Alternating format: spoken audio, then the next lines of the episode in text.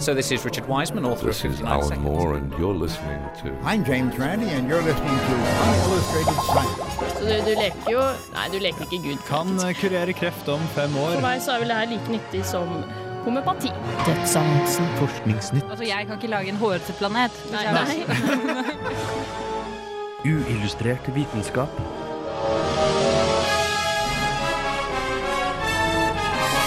Science, works.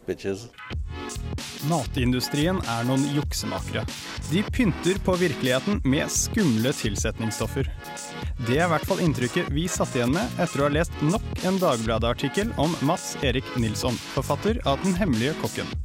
Men er det virkelig så enkelt?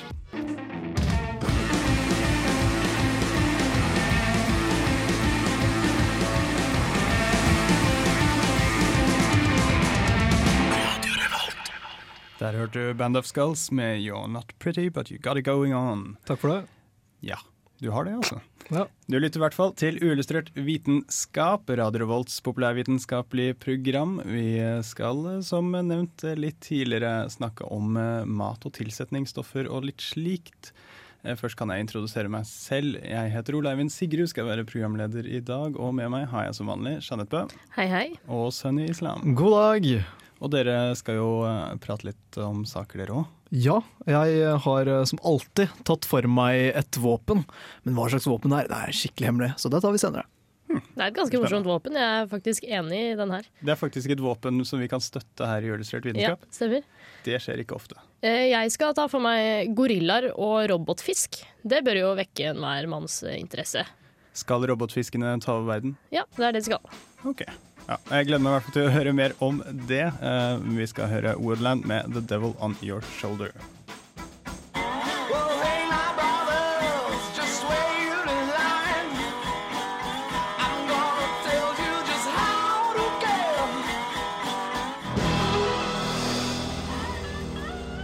Flere av de mest populære matvarene er ikke hva de gir seg ut for å være.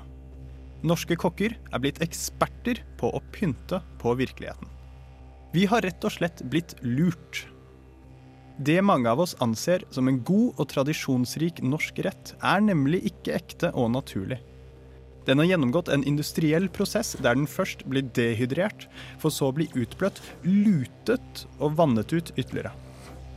Dette reduserer proteininnholdet med hele 50 Resultatet er derfor langt mindre næringsrikt, har en helt unaturlig konsistens og ikke minst en fullstendig annerledes smak enn det ekte naturproduktet det opprinnelig var basert på. Nei, vi forbrukere må virkelig bli litt mer kvalitetsbevisste, ta oss sammen og protestere mot lutefiskprodusentene. Vi krever fersk torsk slik Gud har skapt den.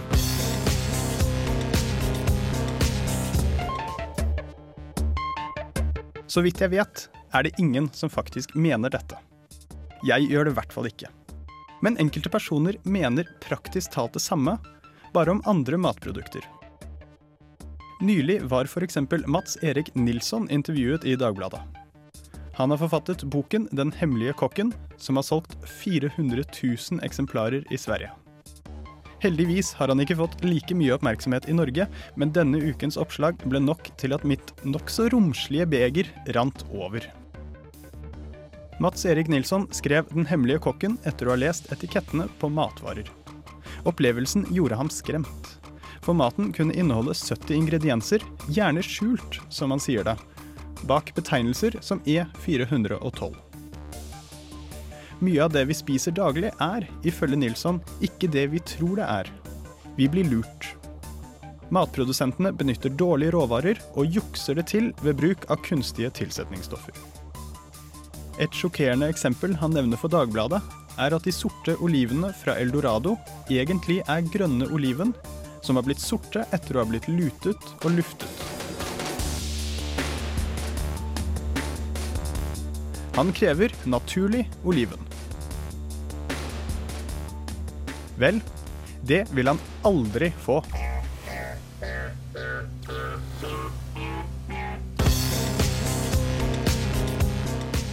Alle oliven, både grønne og sorte, krever prosessering for å i det hele tatt være spiselige. Oliven inneholder oleuropein, et glukosid som gir en bitter smak. Alt for bitter til at oliven kan spises fra treet. De må derfor prosesseres, og det kan gjøres med salt, saltlake, olje eller lut. De lutbehandlede variantene er ikke akkurat gourmetvarer. De har en kjipere konsistens og har mistet veldig mye av den gode smaken. Disse olivene er også alltid stenfrie, som er praktisk, men også fører til mindre smak, da det er fruktkjøttet nærmest stenen som smaker mest.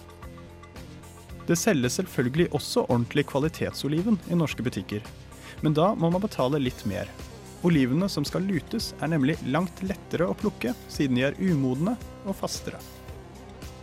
Men er lutede oliven unaturlige? Nei. Lut er helt naturlig, og kan til og med hjemmelages ved å blande aske med kokende vann. Olivenes kjemiske sammensetning blir forandret, ja. Men det gjør den også ved bruk av salt, olje eller saltlake. Eller ved steking, koking og alle andre matlagingsprosesser. For i bunn og grunn er all matlaging kjemi for sultne personer.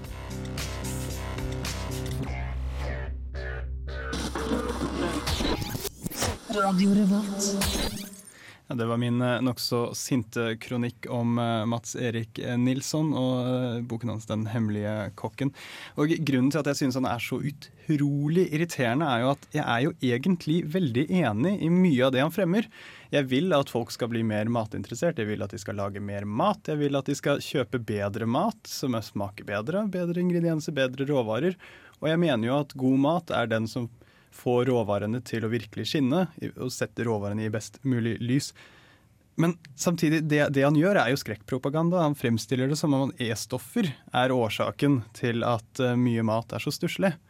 Når den eneste grunnen til at eh, en god del mat er så stusslig, er jo at vi ikke gidder å betale for mer. Og at vi ikke gidder å faktisk fremstille det på en måte som gjør det bra. Og så er vi vel egentlig ikke så redde for hva det egentlig inneholder, når det er ingen som gidder å lese på. For det står jo på baksiden. Ja, det står jo på. Det er jo merket. Nei, det er fryktelig irriterende. Eh, Og så skal jo alt være naturlig. Ja, men, men altså, hvis alt skal være naturlig, da, da, da kan du ikke drikke melk lenger. Altså, Melk behandles jo så helt vanvittig mye. Skal du bare drikke ren kalvemelk da? eller? Fordi vi har en definisjon på naturlig, har man ikke det? Jo, det er noe som rett og slett ikke er skapt av mennesker. Men de aller fleste matprodukter i dag de blir jo inngrepet av oss mennesker. Ja. Nei, fordi det, Den naturalistiske feilslutningen eh, er et argument som eh, har formen at siden noe er naturlig, så er det bra. Eller eh, siden noe er unaturlig, så må det være fælt for oss. Eh, Opium er naturlig. Det, ja, ikke logisk gyldig. Eh, alle de verste giftene man vet om her i verden, er naturlige.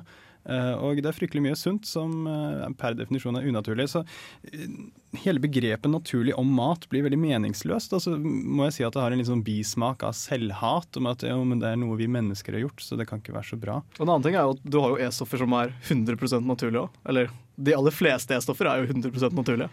Det har vi, og vi skal snakke mer om E-stoffer eh, senere. Men jeg kan bare opp, oppsummere litt om de der olivene. Eh, ja, nei, de er ikke like gode, eh, men de er fryktelig mye billigere, og det er jo grunnen til at det selges mye av dem. Eh, man kan fint få tak i gode oliven i norske butikker. Men det er heller ikke utenkelig at grunnen til at de har slått sånn an, er at de smaker jo litt mindre enn de virkelig gode olivene. Og da kan de være litt lettere å like for en del personer. Og jeg må si det ikke virker helt utenkelig, med tanke på at Grandiosa er den mest solgte pizzaen i Norge. Eh, Ja. Det virker som om ting med litt mild eller lite smak eh, slår ganske godt an. Eh, og så kritiserer han jo også Grandiosa. Og eh, altså, ingen av oss her i studio eh, har på en måte ikke kritisert Grandiosa noen gang. Altfor lite kjøtt. Ja, eh, Men eh, han påpeker jo det at eh, på Grandiosa-pakken så står det et stykke Grandiosa inneholder det samme som en brødskive med Jarlsberg, skinke og noen paprika og tomatskiver på toppen. Og så sier han hvor er disse tomatskivene? Det er jo tomatpuré, og det er jo ikke skinke. Så at det der er misvisende. Men, men du må jo Altså Det er i hvert fall min mening. at Du må jo virkelig være, være veldig dum da, for å skjønne den teksten som at dette stykket Grandiosa inneholder skinke og paprika og tomatskiver, fordi det Jeg er jo håper- ikke noe der. Jeg håper det ikke var veldig mange som leste den artikkelen i Dagbladet og tenkte Er det puré som ligger underst? Nei, eh, fordi det står jo eh, tydelig merket på ingrediensene at eh, det er ikke skinke, det er pizzakjøtt. Og pizzakjøtt er en fin blanding av storfe, vann, soyaprotein, stivelse, hvete osv. osv. Eh, og eh, er det godt? Nei, ikke nødvendigvis. Eh, jeg foretrekker en god skinke. Men, men det var ikke det den teksten mente. Altså, den teksten skal forstås som at det er samme næringsinnhold som en sånn brødskive. Jeg må si at hvis jeg skal kjøpe en pizza, så har ikke jeg lyst til å på en måte bli påminnet at dette her er en brødskive. Det syns jeg er litt Nei, det er ikke det du har lyst på søndag morgen. Så fortsetter han med Old El Paso guacamolen, som eh, selvsagt synes en eh, hjemmelaget eh, guacamole er bedre. Men der kritiserer han at det er kun 26% avokado. Og så sier han at halvparten er erter og vann. Og eh, mener at eh, det derfor, derfor eh, kan betegnes som en ertestuing, fordi det er 50% erter og vann. Men han tar med vann for å få en så høy prosentandel, fordi hovedingrediensen, eller den ingrediensen det er mest av, det er ikke så mye, det er 26% det er avokado. Så hvis man da tok avokado og vann igjen, så ville jo det blitt i hvert fall 60% Så da kan man si at det er avokadostuing med, med Innslag erter. av erter. Og det er jo en enkel, veldig enkel grunn da, til hvorfor er det sånn. Jo, én ting er at de har jo hatt smakspaneler og funnet frem til at den blandingen slo an hos flest. Og det er jo gjerne fordi den var ganske mild og så videre. Eh, Men alle som har lagd en hjemmelaget guacamole, som er avokado med litt løk og litt ymse oppi, og så rører du det sammen, og så tar du oppi litt sånn sitron eller lime, sånn at den ikke skal bli så brun så fort. Hvor lenge holder den seg? Det er noen timer. Eller det er, det er da du sitter og spiser den. Ja. Hvis eh, en guacamole du hadde kjøpt i butikken, hadde blitt brun etter du hadde hatt det glasset fremme på fest en time, Da hadde jeg nok ringt og vært eh, lettere irritert. Ja. Over mangel på konserveringsmidler. det er grunnen.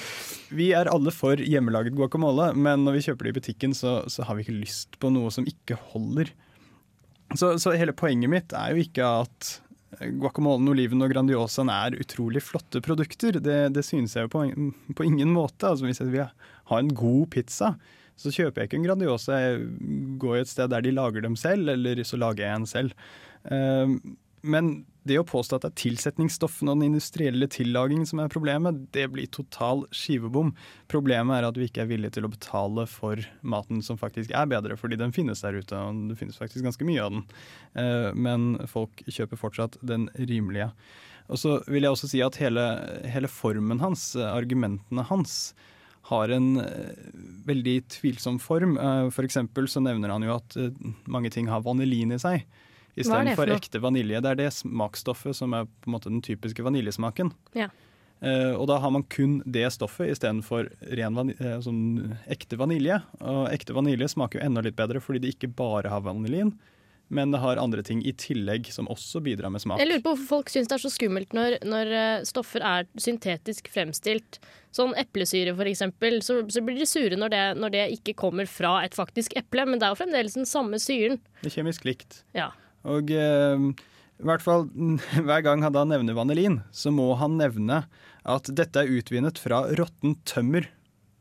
Og ja, det, det stemmer jo faktisk. Eh, det syns jeg er litt kul kjemi, eh, men det stemmer. Eh, vi har jo også eh, snakket tidligere om at vanilin kan faktisk produseres av kumøkk også. Oi. Ikke at noen gjør det fordi folk vil synes det er ekkelt, men stoffet er akkurat det samme. Det er akkurat like sunt, det er akkurat like eh, usunt, alt ettersom. Det er ikke noe forskjell. Eh, så hele språket hans er veldig, veldig ladet, og så er det totalt irrelevant. Eh, så, men, men i hvert fall, eh, vi eh, skal snakke mer om eh, både E-stoffer og eh, et par E-stoffer mer eh, spesifikt. Men jeg syns det er på tide med litt musikk. Ja. Dette her er eh, The Drum eh, med Night Driving her i Illustrert vitenskap på Radio Revolt.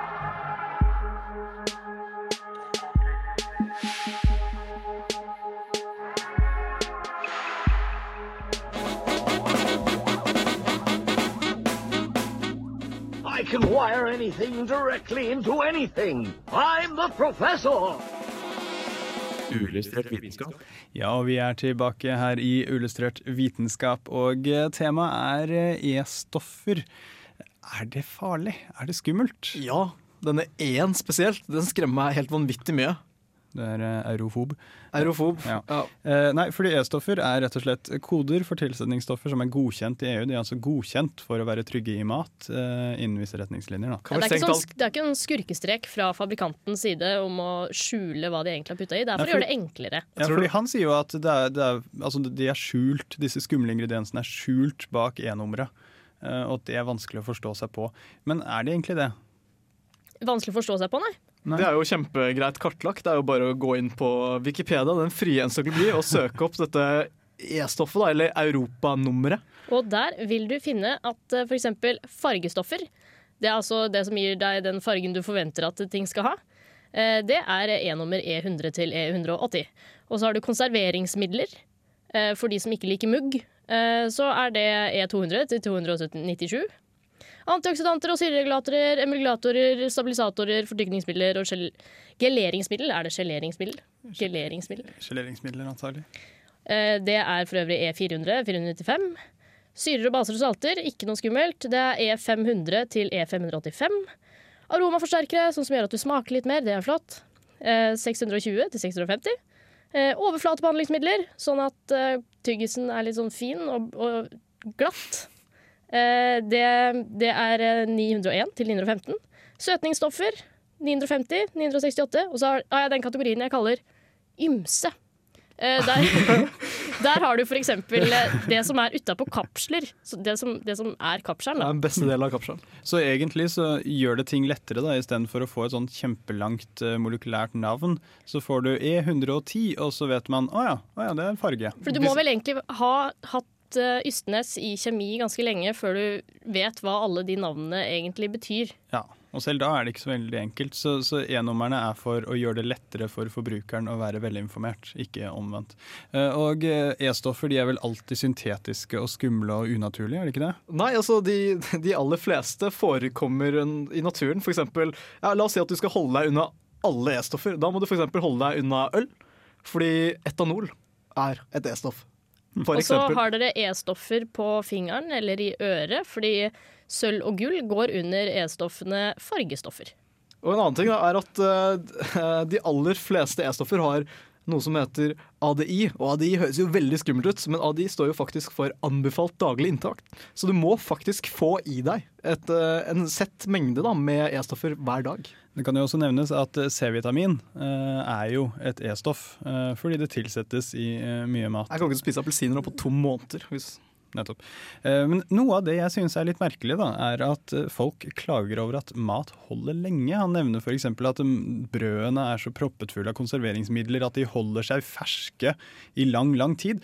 Er det ikke ekkelt det- at hamburgerne varer så er, lenge? Er det fælt? Altså, jeg, jeg, Det er en av grunnene til at jeg har slutta å kjøpe brød, er fordi de holder litt for kort, etter min smak. Jeg kunne tenkt meg litt mer tilsetningsstoffer i brød. Ikke sant? Så nevner jo du burgeren, og eh, da snublet jeg faktisk over en annen Dagbladet-artikkel for eh, noen år eh, siden, der han Mats Erik Nilsson ble intervjuet om denne ett år gamle McDonald's-burgeren som ikke hadde mugnet.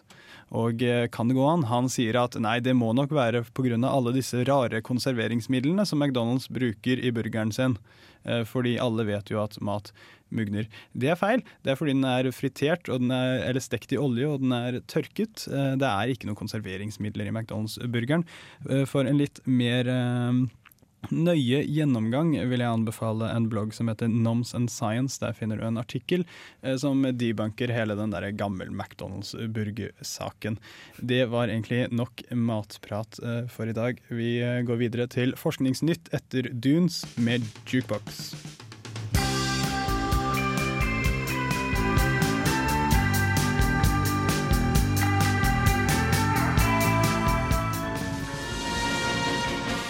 Uillustrert vitenskap presenterer Forskningsnytt.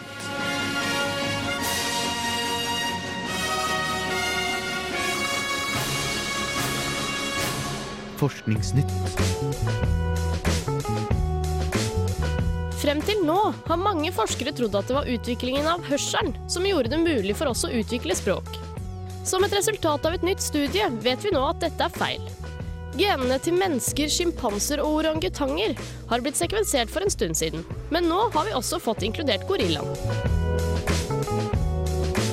Sjimpansen er vår nærmeste slektning, siden den deler 99% av våre gener. Gorillaen kommer på en andreplass med 98% og på tredje har vi orangutangen med 97 Denne rekkefølgen overrasket ingen av forskerne. Noe som overrasket derimot, er at selv om vi i det store og det hele er nærmest sjimpanser, er mange av våre individuelle gener mer like gorillaens. Og blant disse er et gen som gjør at både vi og gorillaer hører bedre enn andre aper. Dette var et ganske viktig funn, men det viktigste spørsmålet forskerne ønsker å få svar på, er om genetisk informasjon kan gi oss svaret på når de første genene som ga oss evnen til abstrakt tenkning, oppsto. Det pågår nå et prosjekt med å sekvensere bonoboapens gener, som man håper kan være med på å løse dette mysteriet.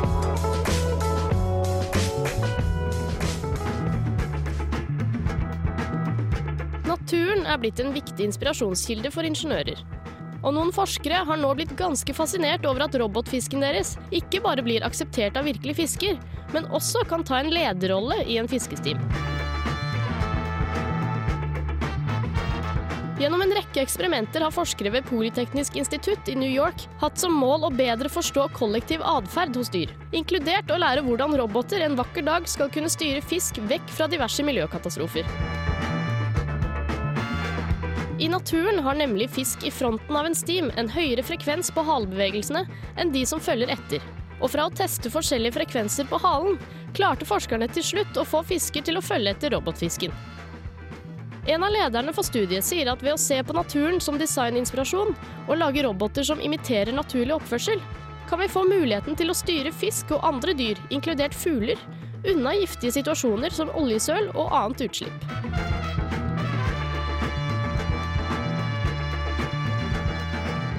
Du hører på Radio Revolt, studentradioen i Trondheim.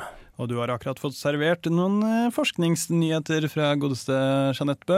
Jep. Eh, Vi hørte om gorillagener, eh, men fant de ut noe annet av gorillagenene enn at vår utvikling av språk ikke kommer av vår gode hørsel?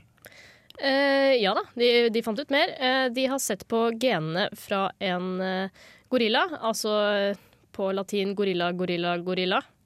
Eh, gorillaen het eh, Camilla. Gorilla, gorilla, gorilla, Camilla. Yes. Eh, det de fant ut, var at eh, arvelinjen, er det det heter, eh, menneske og gorilla, skilte seg for ti millioner år siden. Eh, det er tidligere enn antatt. Eh, det er ikke så veldig spennende. Men, Det er eh, litt artig, da. Det er ganske kult. Fun det, er, det, er, det er ikke det som er morsomt. Eh, en interessant genetisk forskjell mellom eh, mennesker og gorillaer er nemlig at det er en mutasjon hos mennesker som fører til demens.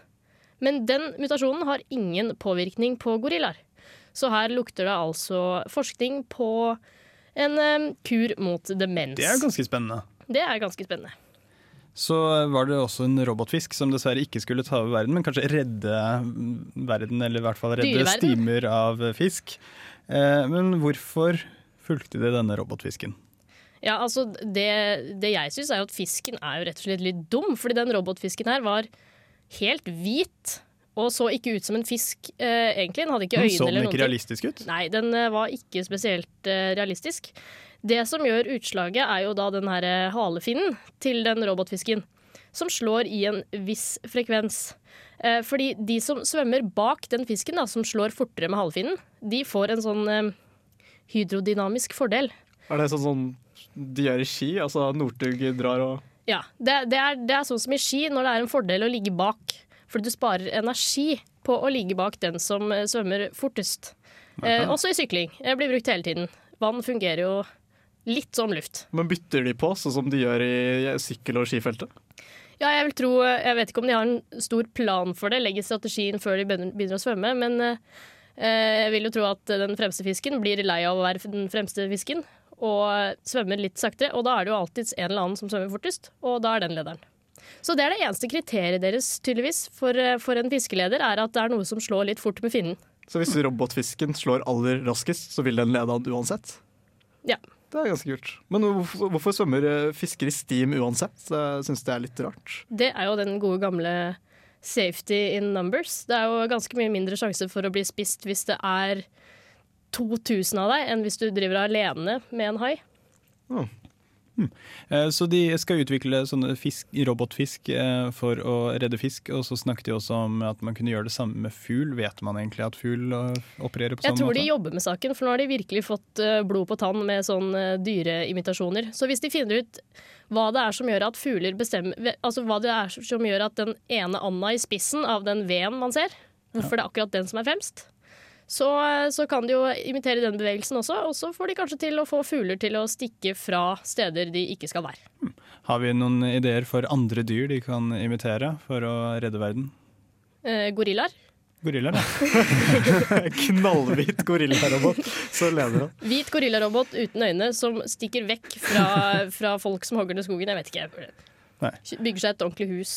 Ja, eventuelt så kan man jo ha en eh, robot, eh, et robotnesehorn som angriper eh, krypskyttere. Ja. Det, det hadde vært helt fantastisk. mulighet. Eh, hvis eh, dere var på Samfunnet for eh, når var det? Ja, to uker siden, så fikk dere gleden av å høre Kyle Lessa spille. Eh, de av dere som ikke fikk det, kan høre dette liveopptaket gjort av eh, Radio Live. Revolt Live.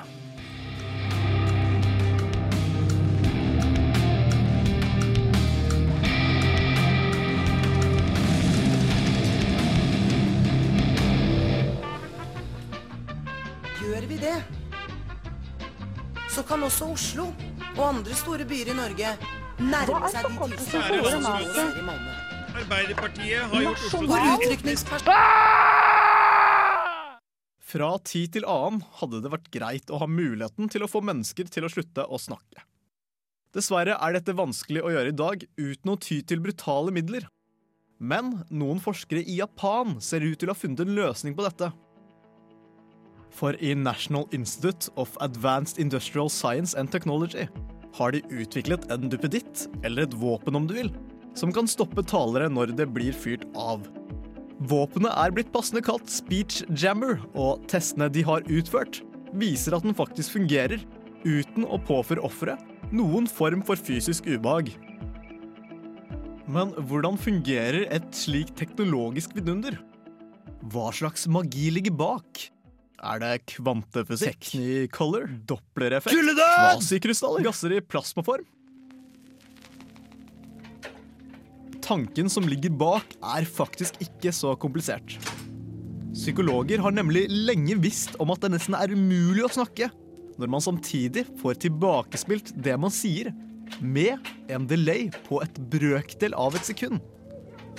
I Speech Jammer er det nettopp dette prinsippet som blir utnyttet. Våpenet består av høyttalere og mikrofoner som tar opp hva du sier, og så skyter lyden tilbake på deg etter noen desisekunder. Resultatet er at offeret får store problemer med å få uttrykt seg. Våpenet fungerer, men virkningen er bedre i noen scenarioer enn andre. Som f.eks. om offeret leste høyt fra en tekst. Du får derimot ingen virkning når offeret ditt ytrer meningsløse fraser som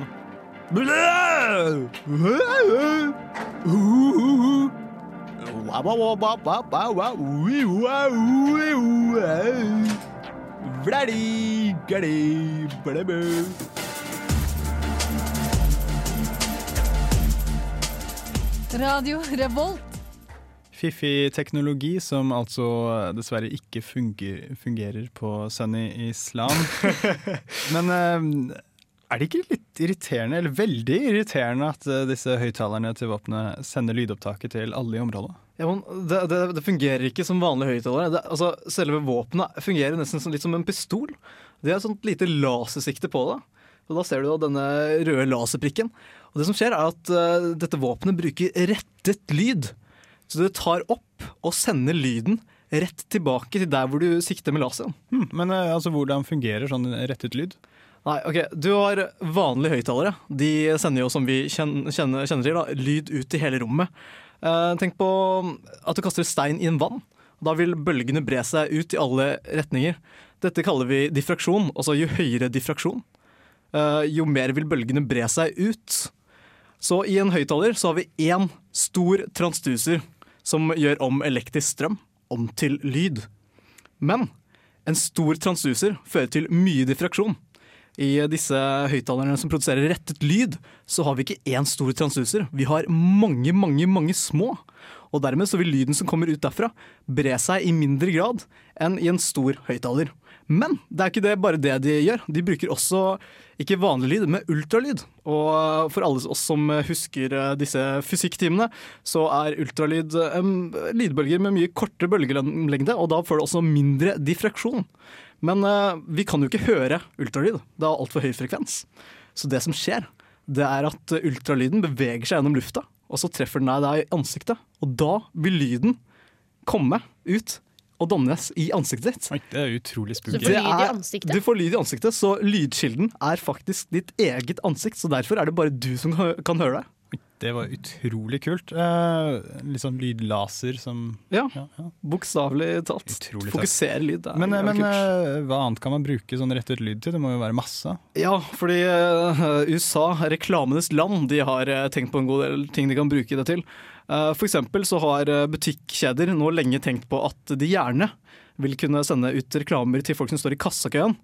Eh, dette er jo et forsøk de har prøvd ut mange ganger, og det som skjer hver gang, det er at de ansatte som sitter i kassa, de slår jo selvfølgelig av reklamen, for de begynner å bli ganske lei av at de får høre samme reklame om og om igjen. Det er akkurat som eh, butikker som har sånn eh, kjenningsmelodier. Altså de har masse låter som er deres egen låt, som Ja. spilles om og om igjen. Det blir forferdelig. Det funker ikke hvis du skal jobbe der. Så det de gjør nå i tre store kjeder, er at de har begynt å kjøpe slike høyttalere med rettet lyd i kassakøen.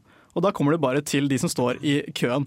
Men øh, hvis du ikke vil høre på reklamen, så kan du jo bare gå ut av uh, høyttalerens øh, ja, område. Men øh, ikke det, du kan ikke bare bruke det til det. Du har også noe som heter øh, jeg tror det er LADR, eller nei, LRAD, Long Range Acoustic Device. Og det er da et våpen, et ikke-dødelig våpen, som rett og slett bare sender helt utrolig vond lyd på mennesker. Og det ble brukt ganske mye i fjor mot uh, bl.a. dessverre Occupy Wall Street-bevegelsen og andre protester i USA. Men i 2005 så var det et eh, cruiseskip som kjørte forbi uh, Somalia. Og da kom det selvfølgelig pirater og skulle borde, uh, altså bore skipet. Og det som da skjedde, var at de hadde et slikt våpen om bord. Og retta det mot eh, piratenes båt. Og irriterte de i hjel? Ja, rett og slett. Og da kjørte de vekk med en gang. Og helt til slutt, hvem har vi lyst til å bruke dette på? Eh, jeg velger eh, prinsesse Märtha Louise og hun blonde dama som står ved siden av hele tiden. Godt valg, godt valg. Uh, Jeanette Bø. Ja, jeg har lyst til å bruke det på Mats Erik Nilsson, eh, sånn at eh, folk blir litt mindre paranoide for disse E-stoffene. I bakgrunnen hører vi Mathias Stube med 'Sooner Brighter Day'.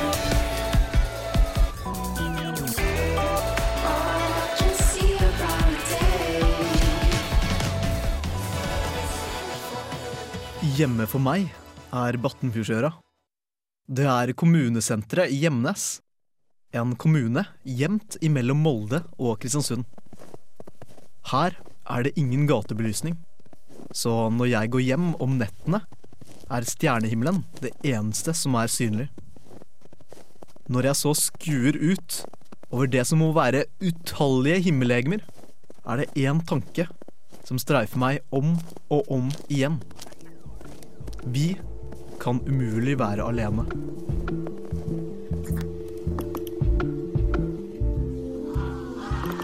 SETI står for Search for Extraterrestrial Life og er en fellesbetegnelse for all menneskelig aktivitet med formål å finne utenomjordisk liv.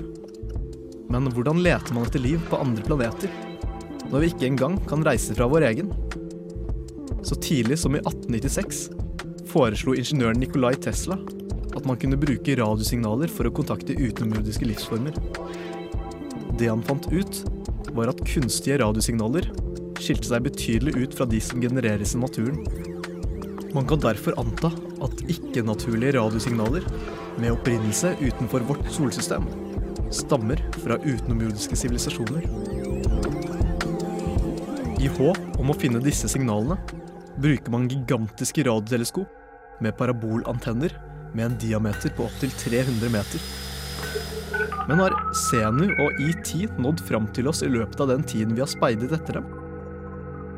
Wow-signalet var et 72 sekunder langt radiosignal som ble fanget opp av The Big Air, et radioteleskop i Ohio.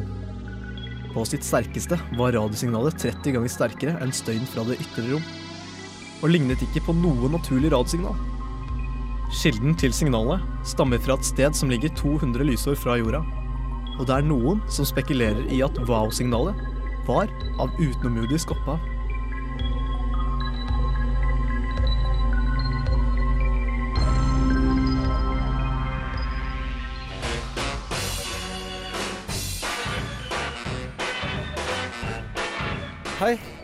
Jeg heter Petter Skjerven, og jeg lytter til Illustrert vitenskap på Radio Revolt så ofte jeg bare kan. Uillustrert. Veldig bra. Hei, jeg heter Petter Skjerven, og jeg lytter til Uillustrert vitenskap på Radio Revolt så ofte jeg bare kan. Ja, eh, du lytter til Uillustrert vitenskap fortsatt. Det er ikke mange minuttene igjen av sendingen, men jeg rekker å spørre Sønni hvorfor heter det signalet wow-signalet? Jo, dette radioteleskopet i Ohio, det var jo ganske gammeldags, så det hadde jo ikke noe PC eller sånt, så informasjonen fra radioteleskopet, det, kom, eh, det ble printa ut på papir. Og en ansatt der, han fant da wow-signalet, som viste at uh, lyden hadde en helt vanvittig amplitude. Og da markerte han da tallene som sto på papiret. Og ved siden av så skrev han wow og utropstegn. Derav wow-signalet. Sunny ble også såpass imponert at han slo borti mikrofonen sin. Eh, har vi eksempler på andre sånn, eh, vitenskapelige oppdagelser eller eh, datasett eller noe sånt noe som har fått sånne rare navn pga. reaksjonen fra forskere? Eh, pyramidene. Pyramidene. Alle. Alle. Alt romvesener. Den kjente wow-pyramiden. Ja, nei. Har du ikke sett i sanden ved siden av her, står det wow. Ja, nei, eh, som sagt, vi begynner å gå litt eh, tom for tid her i Illustrert eh, vitenskap. Eh, men eh, bli sittende på Radio Revolt, fordi etter oss eh, kommer, som alltid, eh, Radio Revolt Live. De tar opp konserter rundt omkring i byen og spiller opptakene for dere der hjemme. Så du slipper å dra på konsert. Det er kjedelig, Ja, altså. slipper å få kastet øl på seg og sånn. Ja, fysj. Skal visstnok spille noe High As A Kite i dag. Ja, de skal spille High As Kite, og så skal de også spille Thea Hjelmeland, som er en sånn up and Up and coming. Ja. Og High Kite Mer er jo. Radio Revolt-favoritter eh, fra før av. Bare up. Det, det kan anbefales, ja. Up and already came. Uh, så uh, bli sittende på frekvensen. Hvis dere hører på uh, podkast, så eh, kan dere ta en tur innom radiorevolt.no. Gå innom radioarkivet vårt. For der ligger eh, de aller aller fleste sendingene vi har. Eh, alle skal ligge der, men noen er litt dårlige til å legge dem ut innimellom. Eh, så legges de der ut med musikk, så da kan dere høre på alle våre tolv flotte musikkprogrammer. Og Illustrert vitenskap med musikk, hvis du synes det er leit at vi klipper ut den fra podkasten. Gjerne gå på iTunes og legge inn en kommentar om hva du synes om programmet også, og helst fem stjerner. Men apropos musikk, så har det jo begynt musikk i bakgrunnen, og det betyr jo som alltid at vi faktisk er tom for tid. Mitt navn har vært Ola Eivind Sigrud. Jeg har hatt med meg eh, Jeanette Bø og eh, Sunny Islam. Og eh, vi retter en stor takk som alltid til Rune Stana. Takk for oss. Ha det på ballet. Ha det.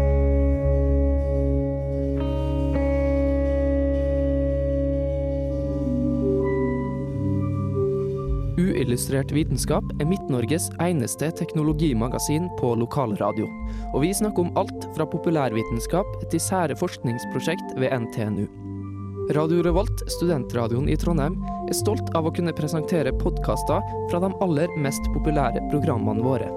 Hvis du har lyst til å høre mer fra Radio Revolt, hvem vi er og hva slags musikk vi spiller, så kan du høre oss på FM-båndet i Trondheimsregionen, eller streame sendingene våre live på radiorevolt.no.